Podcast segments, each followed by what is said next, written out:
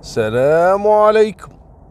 سامحوني عاد بعطيكم القصة الرابعة. عندي مشوار وقلت بعد يعني مدام إجازة علشان هم تستمتعون.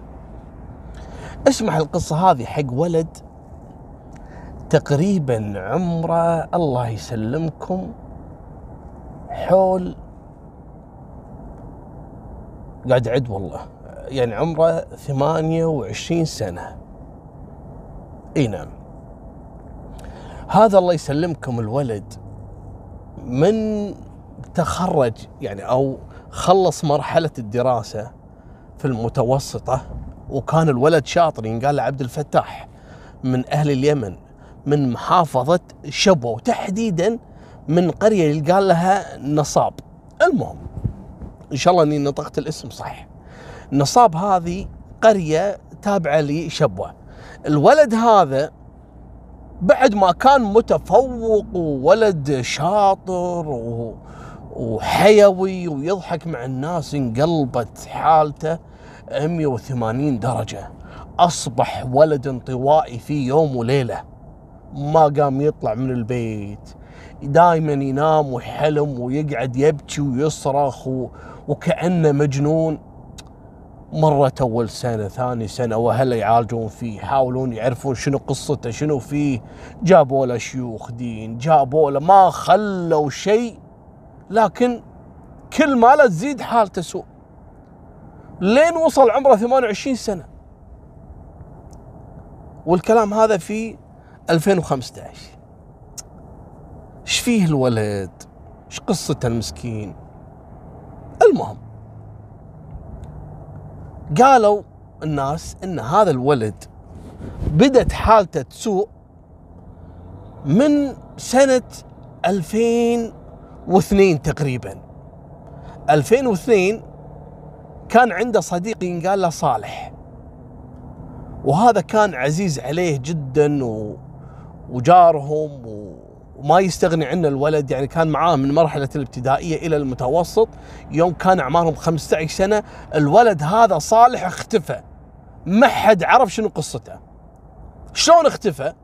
يوم من الأيام وفي الكلام هذا في 2002 أو 2003 تاريخ ما هو مضبوط يعني بشكل دقيق لكن أيامها كانت في مباراة. في قرية ينقال لها عتق. وهذه كذلك تتبع آه، محافظة شبوة وتبعد عن نصاب اللي هي قريتهم اللي عايشين فيها تقريبا 30 كيلو. كانت في مباراة بين نادي الراية وبين نادي التضامن. فكانوا الشباب الصغار هذول اللي من قرية نصاب يروحون إلى عتق آه، عن طريق الباص. يعني ياخذونهم مجاميع ويودونهم. فكانوا يبي يروحون عبد الفتاح هذا الولد اللي إحنا نسولف قصته مع صديق عمره اللي ينقال له صالح. استأذن صالح من أهله قال لهم أنا بروح المباراة وكذي وقالوا لا روح. وما هي بعيدة 30 كيلو لكن بالباص أسرع يعني بدل ما ياخذونها مشي 30 كيلو. وفعلا بالليل كل اللي راحوا للمباراة رجعوا ورجع عبد الفتاح راح بيتهم ونام و... وكان الوضع طبيعي. لكن صالح ما راح بيتهم. امه وابوه افتقدوه يعني وين راح صالح وكذا؟ وليش تأخر؟ وهو كان مستأذن إنه يروح أصلا يعني حضر مباراة في قرية عتق. يعني ما هي بعيدة يعني. المهم لين تاخر الوقت وصار الموضوع يعني يعني أحزن أهلهم وخلاهم يفكرون صالح أول مرة يتأخر وين راح قالوا يبا أكيد راح مع صديقه منه عبد الفتاح. روحوا حق بيت عبد الفتاح طقوا الباب على أبو عبد الفتاح طالع لهم حياكم الله يا مرحبا. قالوا له ولدك عبد الفتاح وين؟ قال موجود داخل البيت نايم. قالوا الله يخليك لو تصحين نبي نسأله سؤال. ولدنا صالح راح وياه مباراة. وما رجع إلى الآن. اسأله الله يخليك. قام أبو عبد الفتاح وصحى عبد الفتاح قال تعال. أبو صالح موجود برا عند الباب يبي يسألك عن ولده. طلع عبد الفتاح هلا عمي. قال له وين صاحبك صالح؟ ولدي ما شفته. وكذا. قال لا والله يا عمي. قال ليش انت ما رحت وياه المباراة؟ قال لا يا عمي إحنا كنا نبي نروح المباراه بس أنا ما استأذنت من أبوي وهذا أبوي جنبك يعني سأله. أبوي ما أذن لي إني أروح وأنا خفت الصراحة إنه يضربني فأنا كنسلت ما رحت. لكن صالح راح. وترى في باص آه، ياخذهم مجاميع يوديهم على آه، قرية عتق اللي فيها المباراة. قال لا ما يخالف خلاص يلا. يعطيك العافية وآسف يبا صحيت الولد أنا بهالليل وخرعناه لكن لا تلومنا إحنا ندور. قال لا يبا الله إن شاء الله يرد لكم وإن شاء الله سالم غانم وإن شاء الله ما في شيء ومن هالكلام. وقعدوا يدورون على صالح أول يوم ثاني يوم ثالث يوم. بلغوا رجال الامن في الموضوع وقعدوا يبحثون معاهم أهل القرية كلهم اشتركوا في عملية البحث. وين راح صالح؟ راحوا لقرية عتق سألوا وسألوا قلبوا الدنيا ما حد شاف صالح. جاهم واحد عراف. والله العرافين أنا صراحة ودي أمسكهم بالخيازرين أقسم بالله. ترى على فكرة كل ما يدخل عراف أو ساحر أو واحد بصار ترى يشتت الجهود. يعني يعطيك معلومات والناس متعلقة. بأي معلومة وممكن يخلي الناس تبحث في مكان ثاني وهو بس يبي يثبت إنه هو يعني ذكي. هذا العراف إيش قال لهم؟ قال لهم صالح ما هو موجود أصلا في محافظة شبوة بالكامل. صالح موجود في تعز. قال شنو؟ إيش وداه تعز؟ وليش؟ قال موجود هناك، موجود في المكان الفلاني. ويطيرون هلا هناك يدوروا اقلبوا تعز فوق حدر ابدا ما في أثر لصالح. ورجعوا وصار الحزن حزنين. تعبوا من البحث تعبوا من فقدان الولد وهم بروحهم متضايقين. كل شوي واحد يطلع لهم يقول والله في واحد أنا شفته يشابه صالح. موجود في محافظة فلان. وهذول المساكين يهدون أشغالهم وأمورهم ويتركون البحث في الأماكن الصحيحة يروحون يدورون صالح في الأماكن اللي يعطيهم إياها الناس هذه أو اللي يبلغون. ترى في حقارة عند بعض الناس. أقسم بالله لو تدرون إن في بعض الناس اللي بيفقدون عيالهم وينشرون أرقام يعني يقولون لهم إذا أحد شاف ولدنا يتصل تدرون في ناس من حقارتهم يتصلون يتمسخرون ولا يتصلون يعطونهم معلومات خطأ بس كذي للمرح والمتعة. تدرون ولا ما تدرون؟ أقسم بالله اسألوا أي واحد يعني الله يعني يعينهم تعرضوا لاختفاء أحد أبنائهم قول له لما حطيت الرقم شنو الاتصالات اللي جتك؟ يقول لك يقول لك سوالف تنصدم في ناس بهالعقاره إي نعم في ناس بهالعقاره لا تستغرب.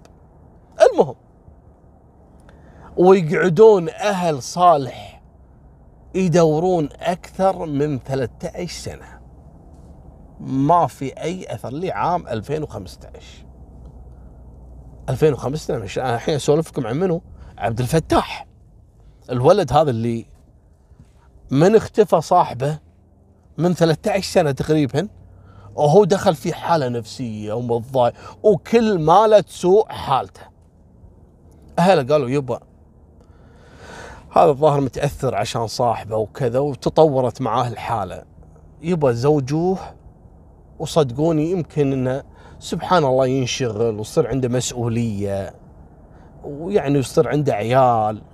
وعرفت شلون واحد سبحان الله مرات يكون الدافع آه، إنه يستمر في الحياة إنه يحافظ على أسرته زوجته وعياله وكذي يصير على مسؤوليات فينسى بعض الأمور التوافه اللي ممكن هو شاغل نفسه فيها آه، بدون ضرورة. كانت من هذه فكرتهم وفعلا زوجوه. ساءت حالته أكثر وأكثر. الولد ما قام ينام. يعني ينام يفز مثل المجنون اهله قاموا يربطونه يربطونه لما ينام يربطونه يخافون إنه يفز بنص الليل ويقوم يركض بهالشوارع وهالوديان وممكن يسوي بنفسه شيء. خلاص وصل مرحلة الجنون. قالوا في شيخ دين هذا يقرأ قراية صراحة شيء ولا أروع. وشيخ تقي وورع طبعا أنا عندي تحفظ من سالفة إن تجيب شيخ يقرأ عليك. ترى أنت تقرأ على نفسك أفضل من ألف شيخ يقرأ عليك. على فكرة ها؟ حط يعني رب العالمين ما يحتاج وساطة من أحد. أنت لو ترفع إيدك بنص الليل وحيد وتخشع من قلبك ترى استجابة رب العالمين لك راح تكون أفضل من إنك تجيب لك شيخ دين عشان هو يدعي لك ولا يرقي عليك ولا لا. وآيات رب العالمين تقراها في كل مناسبة وكلها تنفع في الرقيه وكلها كتاب الله كله واحد سبحانه. معجزة رب العالمين. المهم قالوا في شيخ دين هذا إذا قرأ على الواحد 100% قالوا وين هذا؟ المهم ويروحون يجيبونه من مكان لمكان وتكفى يا شيخ وتكفى ولدنا هذا صارت حالته بالويل شيء يحزن قال حاضر. قال لهم هذا الولد يحتاج يعني لأن حالته الظاهر مستعصية وقديمة فيحتاج أكثر من جلسة للرقية واني أقرأ عليه. قال هذا ما في مشكلة. وفعلا جاء وأقام بجانب بيت الولد هذا عبد الفتاح جانب بيت أبوه. وكل يوم يجي عند عبد الفتاح يقرأ عليه. ويقرأ له على الماء ويخليه يشرب وكذا و... ويذكره بالله ومن هالكلام ويحاول إنه أو يقرأ عليه ويقرا عليه. أول يوم ثاني يوم ثالث يوم رابع يوم خام استمر عليه أسبوع أسبوعين. وعبد الفتاح حالته كل ماله تزيد. لين انفجر عاد عبد الفتاح. من كثر ما جاء الشيخ ويقرأ عليه وما أدري قال حق الشيخ سكر الباب لو سمحت. سكر الباب. الشيخ سكر الباب قال شنو؟ إيش فيك يا عبد الفتاح يا حبيبي؟ قال شيخ إيش فيك؟ خلاص. خلاص أدري إنك قاعد تقرأ لي آيات من رب العالمين وكذا. أنا ما عندي اعتراض وكذا. أنا مؤمن بالله عز وجل وكذا. يا شيخ أنا لا فيني جن. ولا فيني مس من الشيطان. ولا أنا مجنون. ولا فيني حالة نفسية. يا شيخ أنا رجل قاتل. أنا اللي مخليني مجنون إني أنا قاتل صديقي. أنت تفهم ولا ما تفهم؟ وينصدم الشيخ. إيش قاعد تقول أنت؟ قال إي نعم. الذنب للحين قاعد يعني ياكل فيني. ماني قادر أنسى اللحظة اللي أنا قتلت فيها صديقي. من 13 سنة. منو صديقك هذا؟ قال صديقي صالح. أنا اللي قاتله. طبعا قصة صالح واختفاء صالح مشهورة جدا. الشيخ يوم سمع السالفة سكت. قال حق أبو عبد الفتاح يا أبو عبد الفتاح الحق على ولدك. ترى ولدك ما في شيء لكن الولد قاعد يعاني من جريمة هو ارتكبها. تأنيب الضمير هذا اللي عنده هو اللي قاعد يقتله. قال شو مسوي؟ قال له روح اسأله.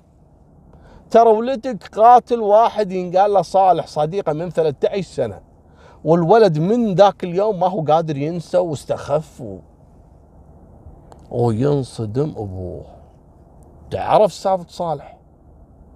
ويدخل على ولده. يا عبد الفتاح شنو الكلام؟ قاله اي نعم. قال امشي مش معي وياخذ عبد الفتاح وين وداه؟ ما وداه حق الأمن. لا وداه حق شيخ القرية. ودخل عليه قال يا شيخ أنا دخيلك بوجهك. ترى ولدي اعترف إنه هو اللي قتل صالح صديقه اللي اختفى قبل 13 سنة. قال إيش تقول؟ قال إي نعم. لا حول ولا قوة إلا بالله. ويا شيخ أنا راضي بالحكم اللي تحطه علي. بس الله يخليك. ترى ولدي بروحه صاير مثل المجنون. ما نبي الموضوع يوصل إلى رجال الامن ترى ولدي يعني قال لي إنه قاتل لكن قال لي والله العظيم بدون قصد. الشيخ قال حق عبد الفتاح تكلم يا عبد الفتاح قول لي. اشرح لي بالضبط شو اللي حصل بينك وبين صالح. ليش قتلته؟ قال اسمع يا شيخ. قال في 2002 2003 كانت في مباراة بين التضامن وبين فريق الراية في قرية عتق. وإحنا كان من المقرر إن نروح هناك. وفعلا رحنا إلى المكان اللي يكون فيه الباص عشان ينقلنا إلى القرية. الباص راح علينا ما ما لحقنا. فكنسلنا فكرة إن نروح للمباراة. فقعدنا نسولف أنا وصديقي صالح كالعادة نروح نتمشى وكذا. كانت في قرية يعني أطراف القرية عفوا فيها مزرعة المزرعة هذه مهجورة. لكن إحنا ندري إن فيها بير كذلك مهجور ما في ماي لكن البير هذا دائما الحمام يتجمع فيه. لأن في رطوبة وكذا والحمام الظاهر يدور شيء ياكله أو في ديدان أو في شيء. فقلنا خلينا نروح نصيد الحمام. وفعلا رحنا وكذا حاولنا نصيد الحمام طار الحمام كله.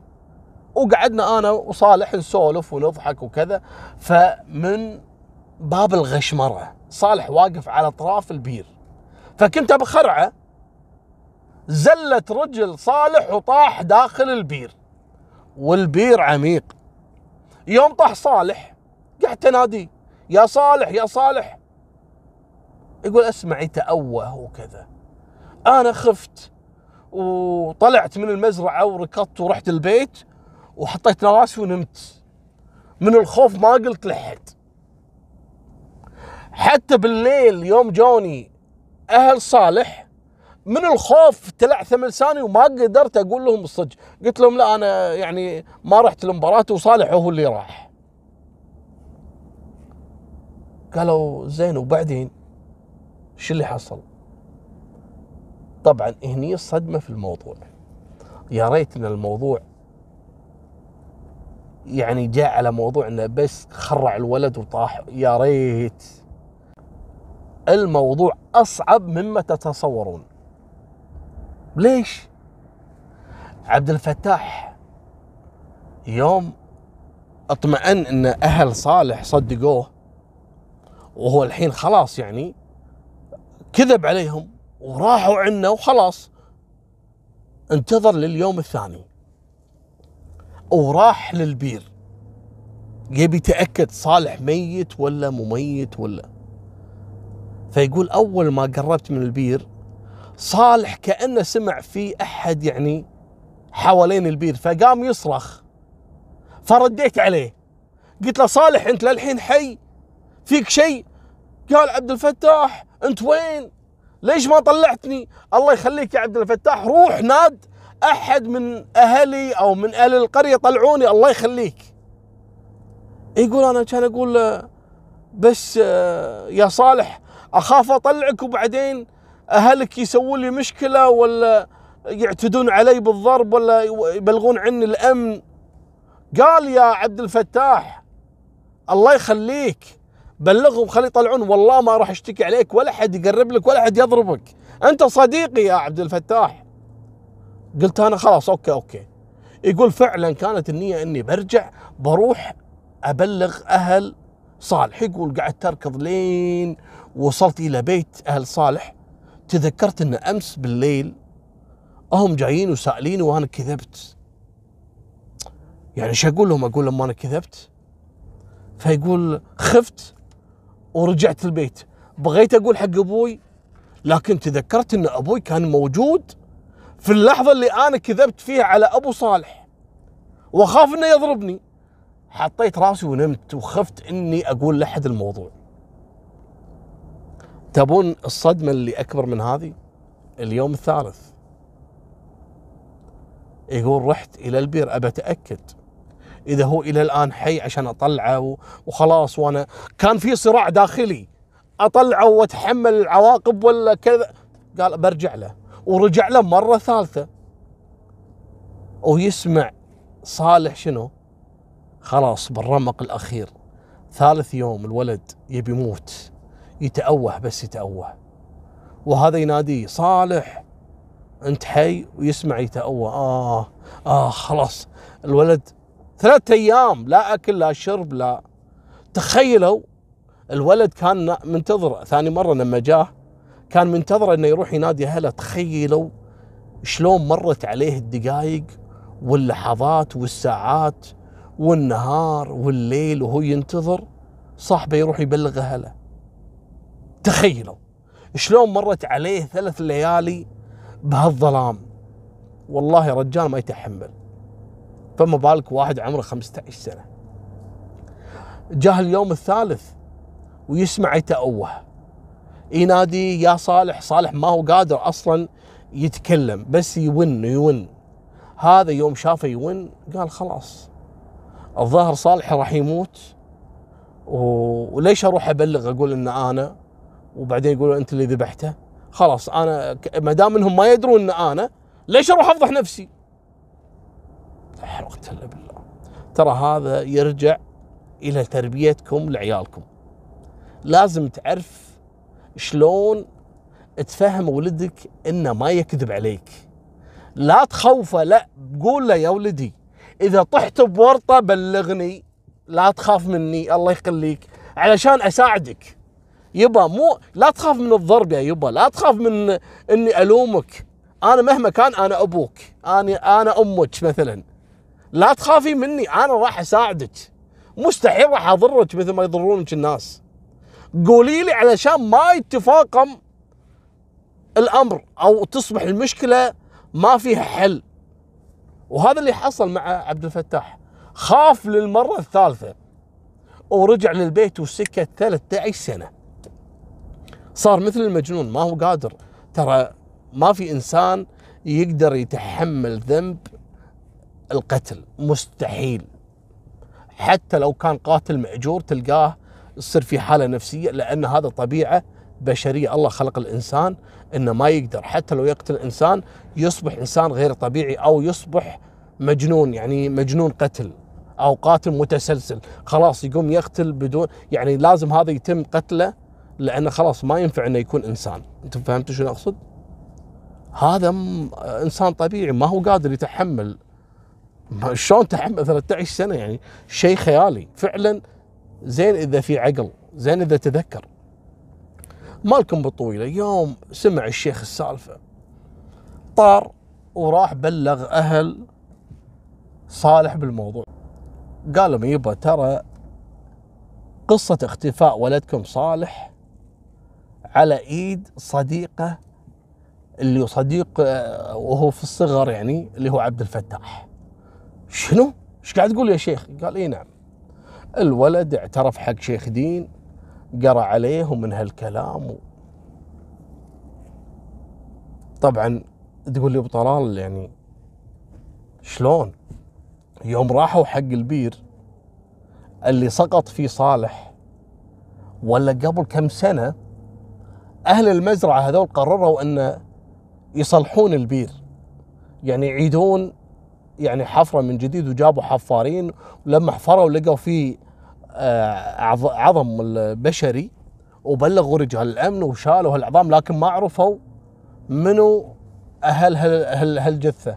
وما هم عارفين هالجثة هذه ولد ولا بنت راحت ملامحها سنين.